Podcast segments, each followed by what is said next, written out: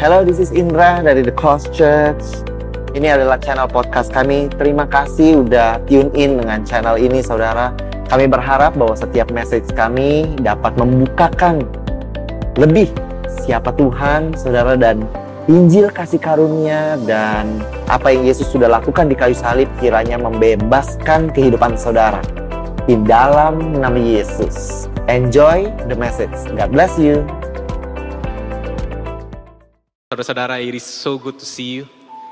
Hari ini saya ingin membawakan sebuah firman yang it's been boiling in my heart. Maksudnya boiling itu bukan saya ingin khotbahkan, saudara-saudara, bukan. Tapi lebih ke arah, ini adalah pegangan hidup saya di dalam keseharian saya, terutama ketika saya beri judul ini, saudara-saudara, terutama when you feel overwhelmed with life.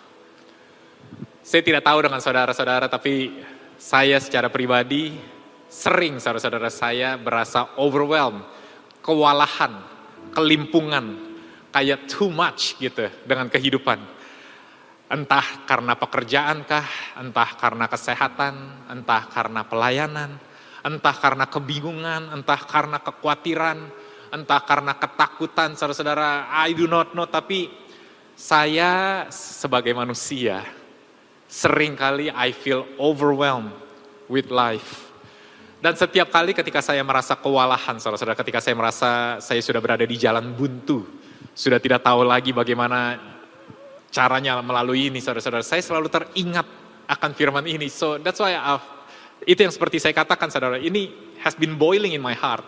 Bukan berarti saya ingin khotbahkan, tapi setiap kali bertahun-tahun, saudara-saudara, ini menjadi pegangan hidup saya. Ah, dan saya rasa apa yang ingin saya bagikan ini akan sangat relevan bagi saudara-saudara. Karena bukan saja membukakan kita tentang pengertian akan Bapa kita kepada kehidupan kita sehari-hari, tapi juga ada langkah-langkah yang praktikal saudara-saudara. Untuk membantu kita di dalam keseharian kita. So, uh, I, I just cannot wait to share this. Saya langsung mulai saja. Pembacaan hari ini dibaca dari 1 Samuel pasal 30 ayat 1 sampai 23. Ceritanya dimulai dengan dikatakan di firman Tuhan ketika Daud serta orang-orangnya sampai ke Ziklak. Mungkin saudara pernah dengar ada sebuah kota yang bernama Ziklak. Mungkin saudara bahkan pernah mendengar cerita ini saudara-saudara. Dikatakan ketika Daud serta orang-orangnya sampai ke Ziklak pada hari yang ketiga. Orang Amalek telah menyerbu tanah Negeb dan Ziklak Ziklak telah dikalahkan oleh mereka dan dibakar habis, saudara-saudara. Perempuan-perempuan dan semua orang yang ada di sana, tua dan muda, telah ditawan mereka dengan tidak membunuh seorang pun. Mereka menggiring sekaliannya kemudian meneruskan perjalanannya. Ketika Daud dan orang-orangnya sampai ke kota itu, tampaklah kota itu terbakar habis dan istri mereka serta anak mereka yang laki-laki dan perempuan telah ditawan, saudara-saudara. Lalu menangislah Daud dan rakyat yang bersama-sama dengan dia itu dengan nyaring. Sampai mereka tidak kuat lagi menangis. Pernahkah saudara-saudara merasakan hal ini? Ketika the problem saudara-saudara is too much Saudara merasa kewalahan aja, you are overwhelmed with life, saudara-saudara. Saudara pikir ini sudah mau selesai permasalahan yang saudara hadapi, tiba-tiba kok datang lagi satu. Lalu datang lagi satu. Ini bukan seperti cerita Ayub, saudara-saudara, yang datang semuanya sekaligus bertubi-tubi. Tapi ini cerita Daud, saudara-saudara, yang datangnya perlahan tapi pasti, tapi seakan-akan tidak ada ujungnya, saudara-saudara. Seperti pandemi yang kita rasakan sekarang ini saudara-saudara. Baru saja sebulan lalu, dua bulan lalu kita mulai melihat, wow kayaknya sudah akan ada ujungnya di pandemi. Bahkan CEO Pfizer, CEO Moderna, orang-orang WHO mulai berkata ini akan mulai menjadi endemis, no longer pandemic. Tapi kemudian kita melihat fast forward dua bulan kemudian, saat-saat ini kita melihat kembali spike saudara-saudara we just overwhelmed. Bukan karena banyaknya atau sulitnya permasalahan tersebut, tapi kadang karena lamanya saudara-saudara. Sampai dikatakan Daud ketika melihat hal tersebut, mereka tidak kuat lagi menangis. Have you ever experienced that? Seakan-akan air mata saudara sudah kayak udah mau habis saudara-saudara. Udah gak tahu lagi apa yang mau ditangisin karena udah kayak buntu. Sampai gak kuat. Mau nangisin apa lagi? Lalu dikatakan di ayat berikutnya. Dan Daud sangat terjepit saudara-saudara. Bahkan in these difficult moments, ketika semua dari mereka tidak kuat lagi menangis, dikatakan Daud sangat terjepit. Ada extra pressure upon Daud. Karena rakyat mengatakan hendak melempari dia dengan batu saudara-saudara. Mereka put the blame to David. Mereka ingin mencari Itulah tendensi manusia, saudara-saudara. Ketika kita begitu terhimpit, ketika kita begitu terpojok, kita harus bisa menyalahkan seseorang. Untuk meringankan beban kita, kita harus menyalahkan seseorang. Mungkin kita katakan ini kalau saja orang tua kita lakukannya hal beda. Kalau saja pemerintah mengambilkan keputusan untuk pandemi ini dengan cara berbeda. Kalau saja misalnya pemimpin kita, kalau saja misalnya bos kita, kalau misalnya saja pasangan kita. Karena begitu terjepit saudara-saudara, somebody, seseorang harus menanggung kesalahannya. Can you imagine kehidupan Daud? Daud tidak meminta orang-orang ini untuk mengikut dia, saudara-saudara. Kalau kita flashback sedikit beberapa chapter sebelumnya, Daud sedang berjalan sendiri, dia sedang melarikan diri dari Saul, saudara-saudara. Daud sendiri ketika dia sampai ke Ziklag, itu menarik saudara-saudara, karena Ziklag adalah kawasan dari orang Filistin bukan orang Israel. Daud harus pura-pura gila ke menghadap raja Filistin yang bernama Akis hanya untuk dia bisa mendapatkan perlindungan di tengah kota Filistin musuh dari bangsa Israel. Daud begitu terkenal di Filistin saudara-saudara sebagai seseorang yang membunuh Goliat, raksasa dari Filistin, jagoan Filistin yang akhirnya membuat Filistin harus terpukul mundur. Tapi Daud saat ini harus pura-pura gila, saudara-saudara. Karena dia tidak mempunyai rumah, dia tidak mendapatkan perlindungan di Israel, dia tidak bisa bersembunyi, saudara-saudara. Hanya untuk survival, dia harus bersembunyi di tempat musuhnya. Dia bahkan harus berpura-pura gila, hanya untuk menyelamatkan nyawanya. Apakah saudara pernah melakukan hal-hal yang saudara tidak pernah bayangkan di dalam kehidupanmu hanya untuk survival saudara-saudara? Saudara bahkan seakan-akan harus menelan ludah, menjilat ludah saudara sendiri. Hanya untuk survival saudara-saudara karena begitu terpuruk keadaan saudara. Lalu diceritakan suatu hari setelah Raja Akis, orang Filistin tersebut melihat Daud dan menerima. Dia berkata ini tidak mungkin bisa mencelakai kita, dia sudah jadi gila Daud di tengah keputusasannya dia bersembunyi di gua Adulam, saudara-saudara. Dan dia tidak meminta, tapi ada 400 orang yang datang dan mulai mengikut dia, saudara-saudara. Orang-orang yang saat ini yang telah Daud layani, yang Daud tidak minta, saudara-saudara, yang saat ini hendak menimpuk Daud dengan batu, hendak menyalahkan Daud akan keputusannya. Ziklag adalah kota pemberian dari Raja Filistin, saudara-saudara, kepada Daud. Karena Daud begitu banyak pengikutnya, 400 orang. Raja Akis memberikan Ziklag sebagai kota tempat Daud dapat tinggal, saudara-saudara. Ziklag bukanlah kota yang diinginkan Daud, karena dia inginnya berada di Israel, saudara-saudara. Tapi Ziklag is a gift, adalah sebuah pemberian sebuah tempat di mana mereka bisa tinggal bersama, tapi tempat yang sama juga saudara-saudara ketika sekarang terbakar dan semua ditawan yang menyebabkan dia hendak ditimpuk dengan batu saudara-saudara. But I want to tell you this. Ziklag walaupun ada di Filistin, diberikan oleh Raja Filistin kepada Daud saudara-saudara. Tapi sebenarnya Ziklag sudah ada di dalam pikiran Tuhan untuk bangsa Israel.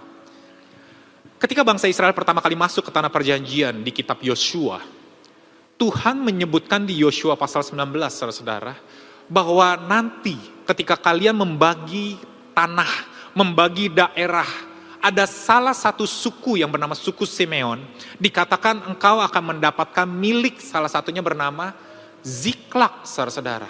Bahwa Ziklak is supposed to be milik bangsa Israel.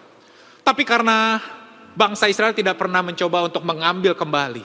Mungkin mereka berasa sudah cukup puas dengan apa yang mereka punya, saudara-saudara. Jadi Ziklak selalu berada di tangan orang Filistin.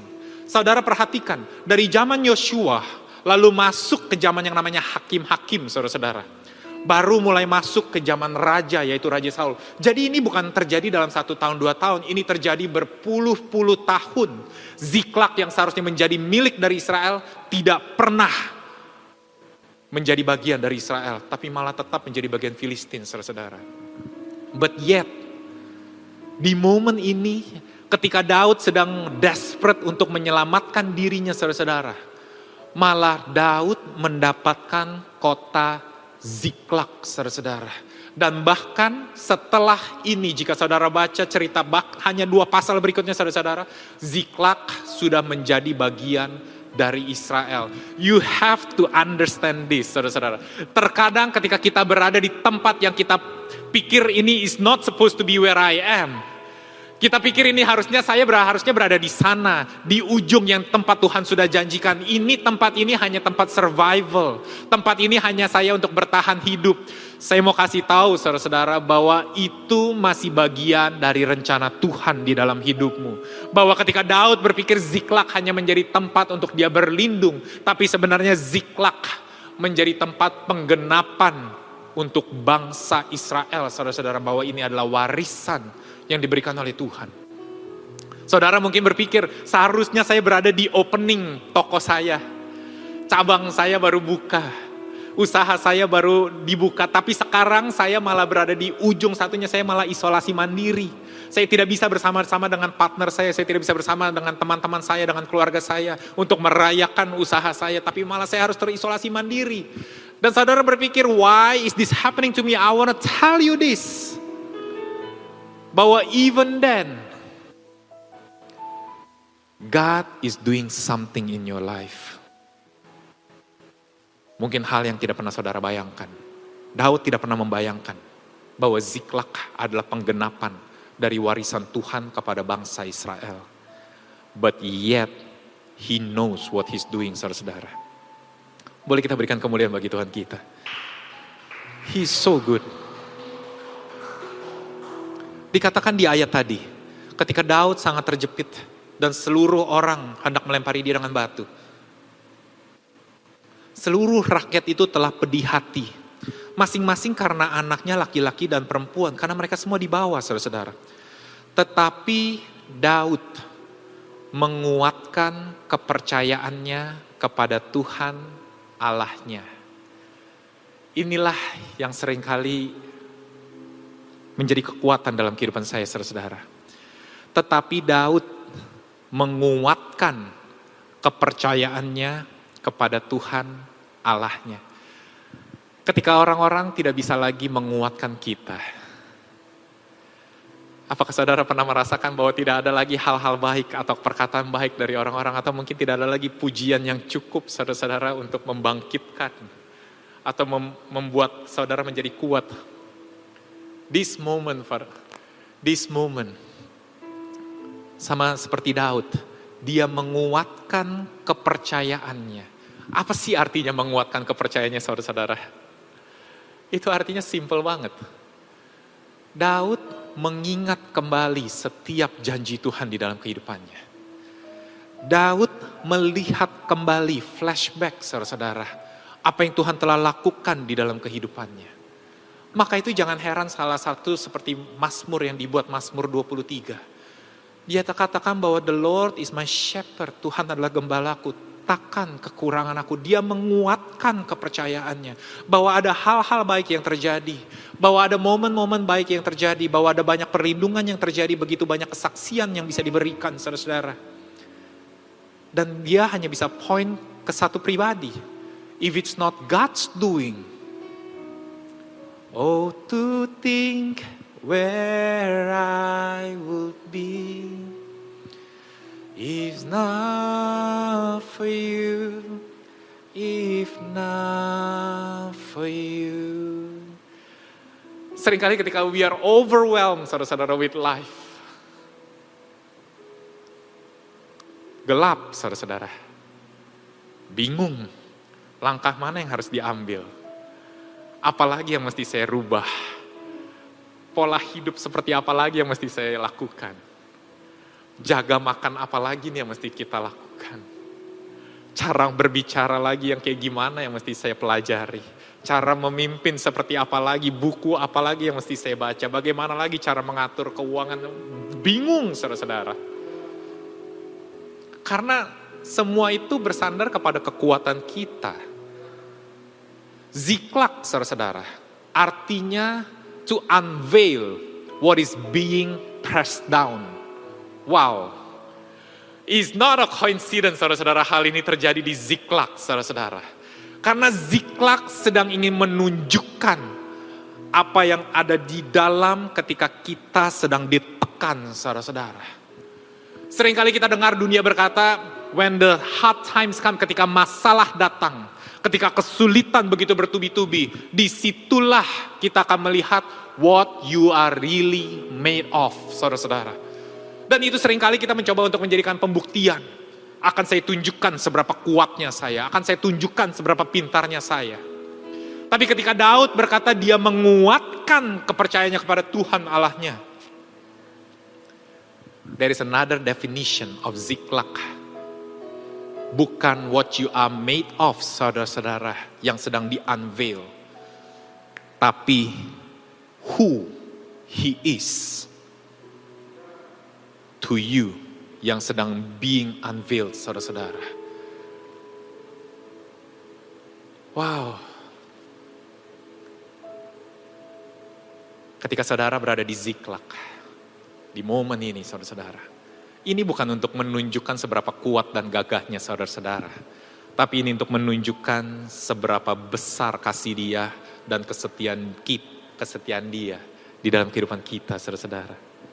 Maka itu saya mulai mengerti seorang Daud modern di perjanjian baru saudara-saudara. Saya sebut seorang Daud modern karena perkataannya hampir mirip menguatkan kepercayaannya tapi dia mengekspresikannya dengan berbeda. Yaitu Paulus saudara-saudara di dalam kitab 2 Korintus pasal 12 dari terjemahan firman Allah yang hidup berkata demikian. Setiap kali Tuhan berkata, tidak, tetapi aku menyertai engkau. Hanya itu yang kau perlukan. Atau sering kali kita dengar sebagai ini saudara-saudara. His grace is sufficient for me. Paulus di dalam kesesakannya pun dia berkata, Tuhan berkata that his grace, kasih karunia-Nya itu cukup untuk saya. Aku menyertai engkau hanya itu yang kau perlukan. Bukan masalah engkau harus tahu bagaimana cara mengerjakan A, B, C, dan D. Bukan bagaimana engkau tahu cara mengatur keuanganmu. Bukan engkau harus tahu bagaimana cara bersikap di depan karyawan-karyawanmu. Bukan engkau harus tahu bagaimana cara planning A, B, dan C, saudara-saudara. Bukan, saudara-saudara. Tapi, tetapi aku menyertai engkau. Hanya itu yang kau perlukan, saudara-saudara, kata Paulus. Dia lanjutkan, saudara, di dalam penulisan ayat itu. Kuasaku dapat diperlihatkan dengan jelas di dalam orang yang lemah, saudara-saudara. Kuasa Tuhan akan terlihat sangat jelas. Karena begitu nyata engkau begitu lemah, tidak berkuasa, tidak mempunyai kemampuan, tidak mempunyai kepintaran, tidak mempunyai hikmat. Tapi yet orang-orang akan melihat kok bisa kamu mencapai titik itu. Karena kuasa Tuhan diperlihatkan dengan jelas saudara-saudara. Lalu dia lanjutkan, sekarang saya bergembira dapat menjadi pernyataan yang hidup dari kuasa Kristus. I am delighted that I can be a testimony, saudara-saudara, an evidence of grace. Dan bukannya memamerkan kuasa dan kecakapan saya sendiri. Karena saya tahu, dia tulis, bahwa semua itu, di ayat berikutnya dia lanjutkan, karena saya tahu bahwa semua itu bagi kepentingan Kristus, maka saya tidak berkecil hati mengenai duri itu dan mengenai penghinaan, kesukaran, serta penganiayaan. Sebab apabila saya lemah, saya menjadi kuat. Makin sedikit yang saya miliki, makin banyak saya menggantungkan diri kepadanya. The world teaches us to be independent, saudara-saudara. Bergantung kepada internal diri sendiri. But Christ wants us to be Christ dependent, saudara-saudara. Sebagaimana seorang anak ingin selalu bergantung kepada ayahnya. Demikian Bapak kita ingin anak-anaknya bergantung kepada dia, saudara-saudara. Karena ketika kita lemah, maka kita menjadi kuat. Dan yang lebih luar biasanya saudara-saudara, ketika saya pelajari kata His grace is sufficient. His grace kita sudah mengerti. Itu berbicara tentang His favor, His blessing, open doors. Kita sudah mengerti itu. Kita sudah mengerti His grace berbicara tentang perlindungan. Tapi sering kali kalau kita berbicara tentang sufficient, berkecukupan, itu seakan-akan hanya untuk to comfort saudara-saudara, to counsel, seakan-akan hanya untuk kayak udah cukup tenang gitu. Tapi di dalam bahasa aslinya, berkecukupan ini saudara-saudara, ternyata bukan hanya untuk menenangkan, tapi juga berarti dia yang memberikan kekuatan untuk melampaui atau mengerjakan sesuatu saudara-saudara. Bahwa berkecukupan itu juga bermaksud untuk to equip you, melengkapi saudara dengan apa yang dibutuhkan di dalam menghadapi. So when he says, ketika dikatakan his grace is sufficient. Bukan hanya untuk memeluk, merangkul, menenangkan saudara-saudara. Tapi his grace juga aktif saudara-saudara. Dia yang memampukan, makanya in Christ all things are possible. Kenapa kita menjadi kuat saudara-saudara waktu kita lemah? Karena Tuhan yang menggendong kita, yang membawa kita melewati jurang tersebut saudara-saudara. Maka itu kita dapat katakan bahwa hanya karena kasih karunialah kita dapat melalui semua permasalahan ini. Karena kita tidak tahu saudara-saudara, we realize that we were at the dead end. Kita berada di gang buntu itu, tapi somehow hari ini kita ketika kita lihat ke belakang, wow, saya udah lewati itu. Saya udah lalui itu. Gimana caranya ya? It doesn't make sense. Waktu itu saya hampir KTA. Saya hampir nggak bisa bayar hutang. Tapi kok saat ini malah sekarang saya bahkan bisa mencicil rumah. It just doesn't make sense. Because His grace, saudara-saudara. Bukan hanya untuk memeluk saudara, menjadi tempat sadaran untuk beristirahat saudara-saudara tapi juga His grace yang mengangkat saudara-saudara, yang menyemangati saudara-saudara, yang memberikan hikmat bagi kehidupanmu. Agar saudara dapat melalui semua permasalahan ini. So, ketika sama seperti Daud, when I feel overwhelmed, Daud yang sudah, wah, berbulan-bulan lari dari Saul, dia yang harusnya menjadi raja dan diurapi sekarang dia malah semakin jauh dari panggilannya. Daud yang sudah mendapatkan kesempatan dua kali untuk membunuh Saul. Tapi dia tidak lakukan. Dia pikir dengan berbuat baik ini mungkin akan dapat reward. But no, Saul semakin membenci dia saudara-saudara. Dia harus bersembunyi di tempat musuhnya. Filistin. Bahkan dia pikir saya hanya sendiri, tidak ada lagi yang akan mengikuti saya. Bagaimana saya mungkin menjadi seorang raja? Ada 400 orang yang datang dan mengikut dia, saudara-saudara. Ada momen-momen of good times. Tapi lebih banyak moment of bad times dan sering kali kita tidak dapat lihat when is this going to be over. Kapan? Dan semakin lama, semakin lama, semakin lama, kita pun semakin lelah, saudara-saudara. And we are overwhelmed with life. Overwhelmed with the questions tapi hari ini saudara-saudara, sama seperti Daud ketika dia menguatkan kepercayaannya, I want to tell you this. Ketika saudara menguatkan kepercayaan saudara kepada Tuhan, inilah yang akan saudara miliki. To have a supply minded and not a demand minded saudara-saudara. Ketika saudara menguatkan diri saudara, kepercayaan saudara kepada Tuhan, lihatlah dari perspektif supplier saudara-saudara dan bukan demand. Saudara bukan datang untuk menjawab saudara-saudara, tapi saudara datang dengan tahu Tuhan akan menyediakan jawabannya. Ketika Daud menguatkan kepercayaannya kepada Tuhan, dia bukan sedang mencari jawaban saudara-saudara, tapi dia sedang berkata, Tuhan, kesera sera, whatever will be, will be. Because I know you are a loving Abba. Because I know you are a good shepherd. Dan di dalammu saudara, dia berkata, di dalammu Tuhan, aku tidak kekurangan. Jika engkau ingin aku menjadi raja, maka you will make it happen. Tapi jika engkau pun tidak ingin aku menjadi raja, engkau pun masih akan memberkati kehidupanku. Karena aku adalah anakmu Tuhan. To have a supply minded and not demand minded. Kalau Tuhan emang pingin saudara goal di dalam bisnis klien ini saudara-saudara, He will make it happen in Jesus mighty name. Tapi kalaupun tidak saudara-saudara, bukan berarti Tuhan tidak dapat membuka pintu yang lain untuk memberkati kehidupan saudara. Jika saudara mengalami mujizat di dalam kesembuhan dari penyakit yang sudah begitu lama saudara-saudara, praise God for that. Tapi jika saudara masih harus dalam sakit penyakit saudara, bukan berarti Tuhan bukan penyembuh saudara-saudara. Akan ada sebuah cerita lain yang Tuhan siapkan untuk kehidupan saudara-saudara. Yang akan menjadi kesaksian akan kuasa Kristus di dalam kehidupanmu. Jika Daud bisa tetap tinggal di Yerusalem, praise to be the praise to be God. Luar biasa karena dia akan semakin dekat menjadi semakin dekat menjadi raja.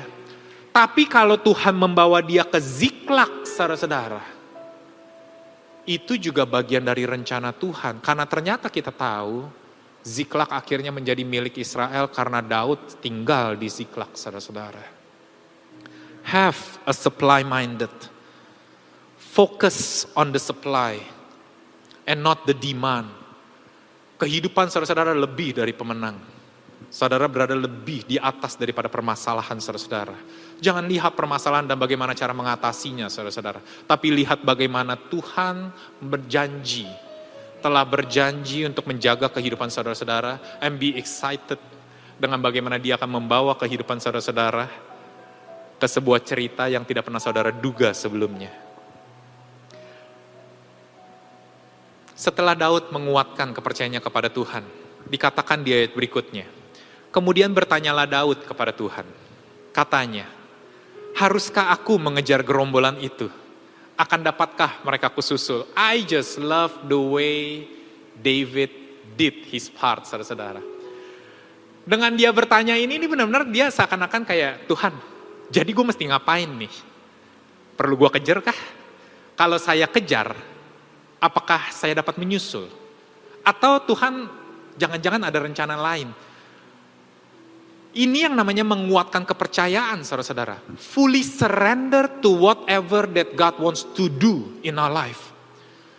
Benar-benar berserah penuh dengan apa pun jawaban yang Tuhan berikan ke dalam kehidupan saudara. Ada jawaban-jawaban yang mungkin kita nanti-nantikan apakah dia pasangan hidup yang Tuhan ingin berikan. Seluruh tanda-tandanya menunjuk bahwa dia adalah pasangan hidup saya. Tapi kalau kalau bukan Tuhan, saya percaya engkau masih akan tetap memberikan seorang pasangan hidup yang begitu baik. Ini yang namanya menguatkan kepercayaan kepada Tuhan. Melihat di dalam perspektif bahwa dia adalah Tuhan yang baik. Too good. Too good to be true.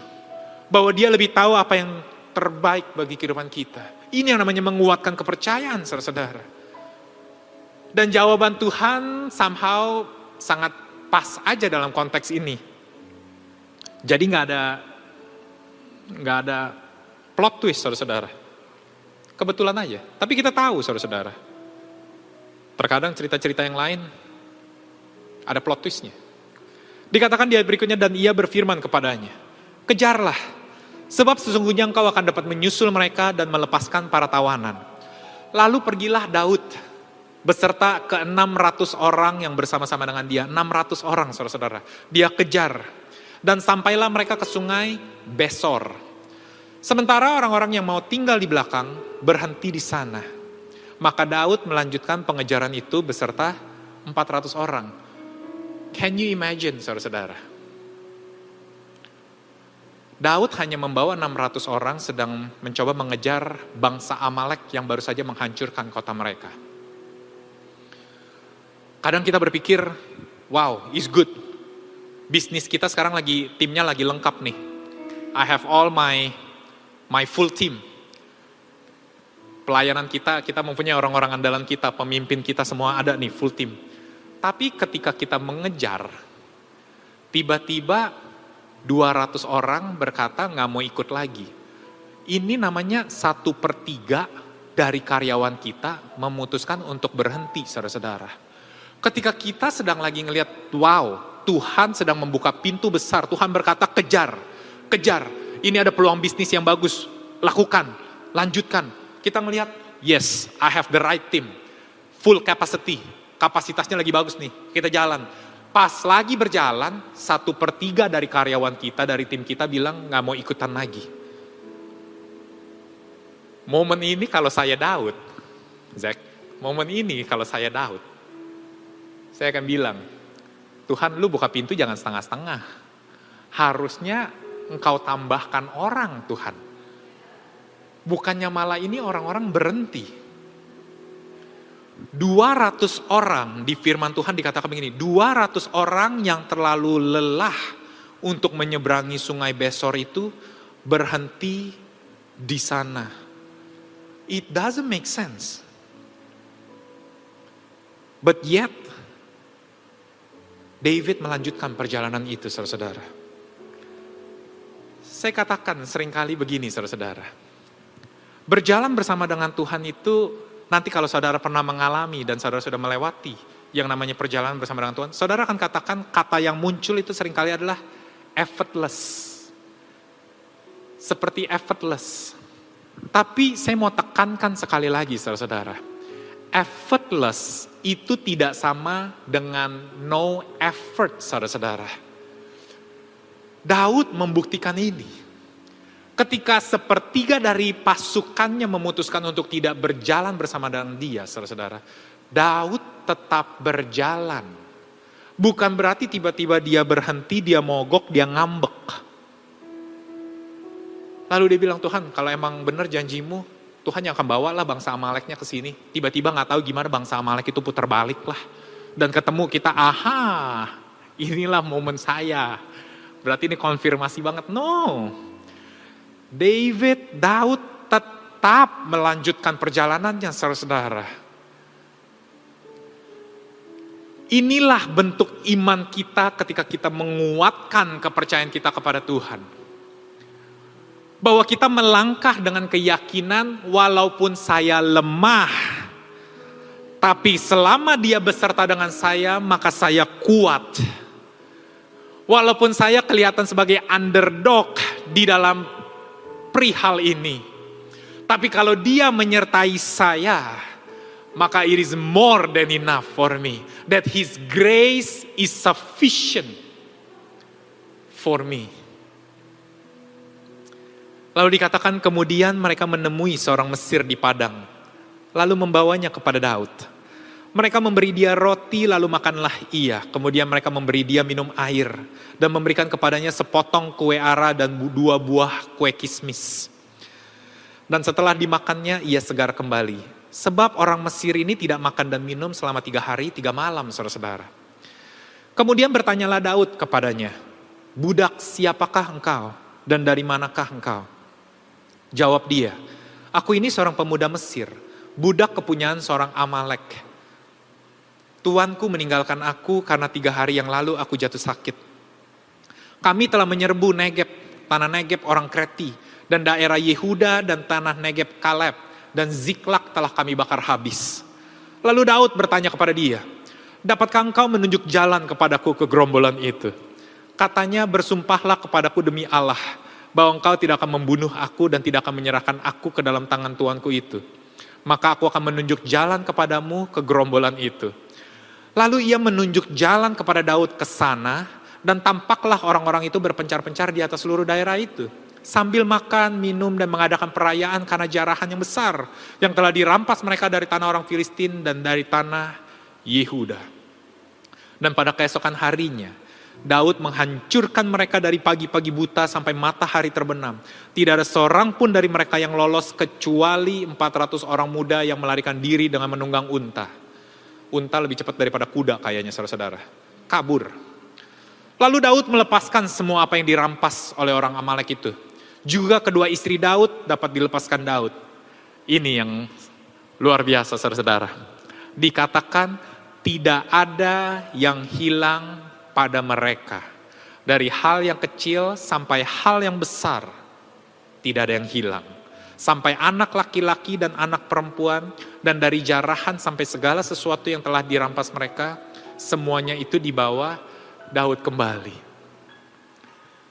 Saya katakan tadi, effortless tidak sama dengan no effort.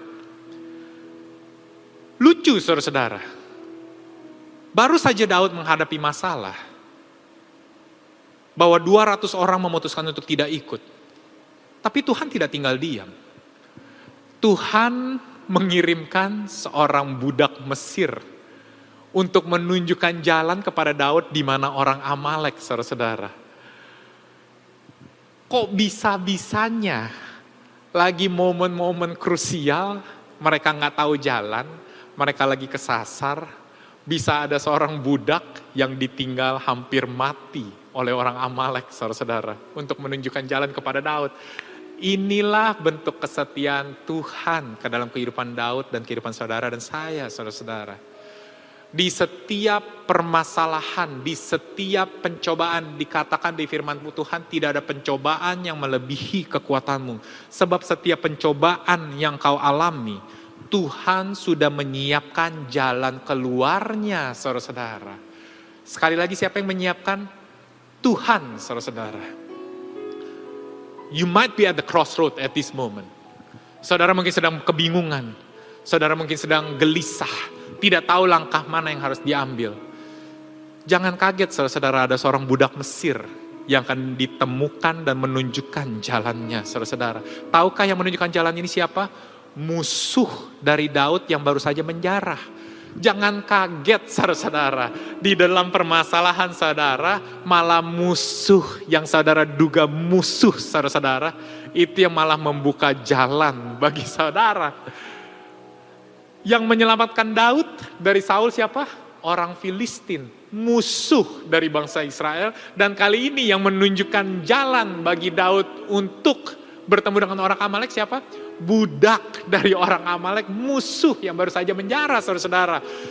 God has a funny way to reveal his love, saudara-saudara. Nggak masuk akal, nggak masuk dalam logika, nggak masuk dalam perhitungan. But yet, in my weakness, I am strong.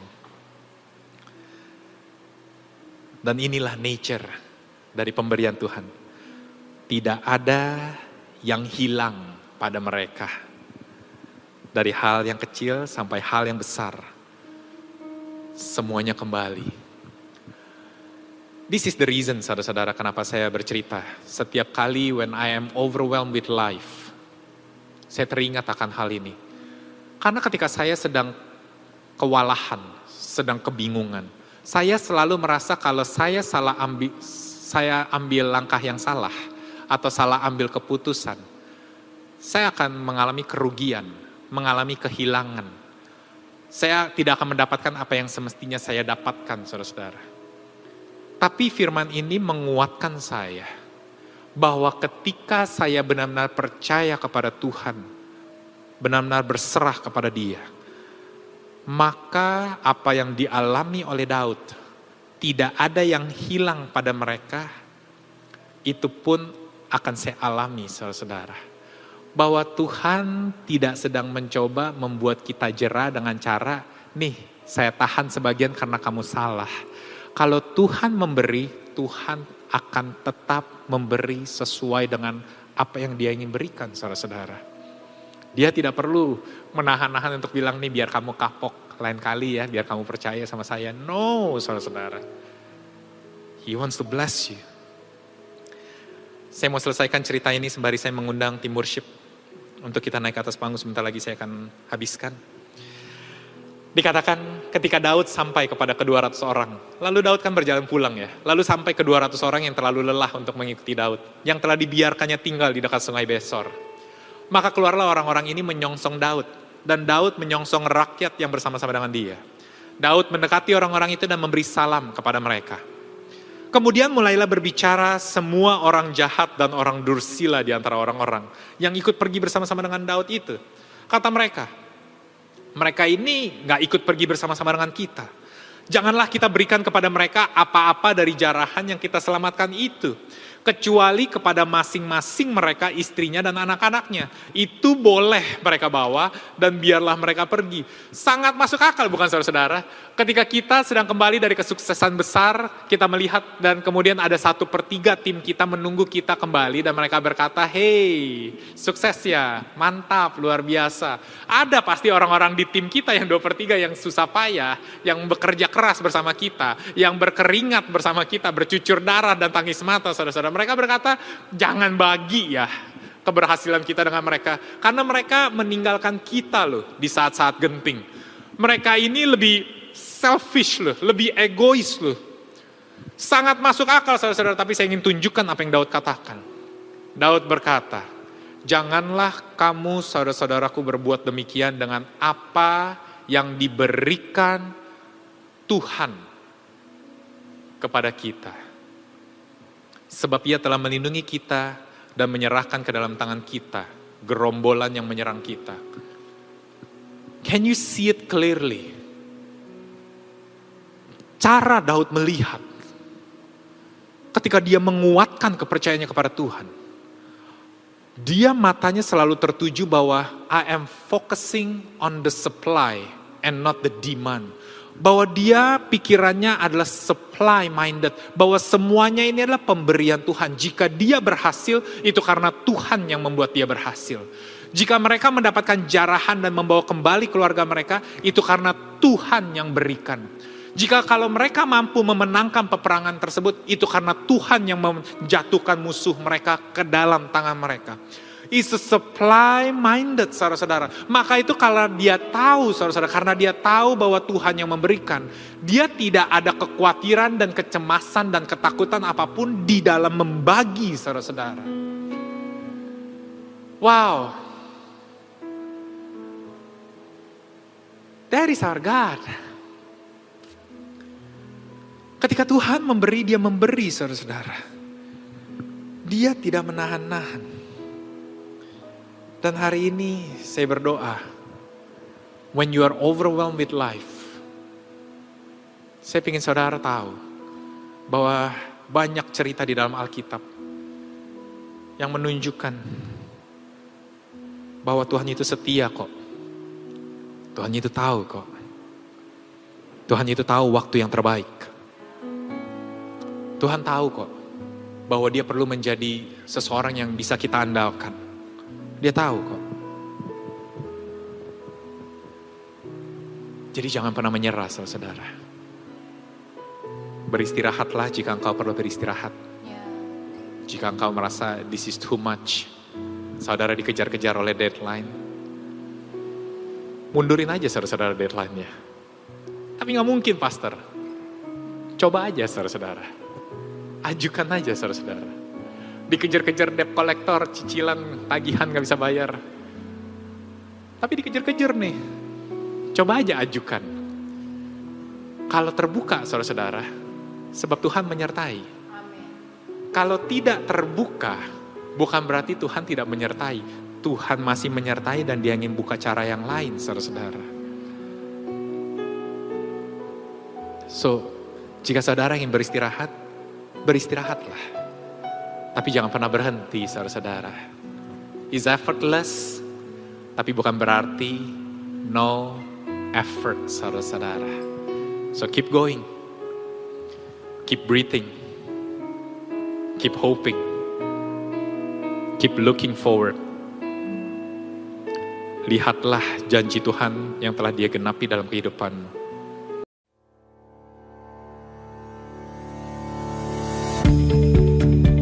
Terima kasih lagi sudah mendengarkan episode ini saudara dari podcast ini. Thank you so much saudara.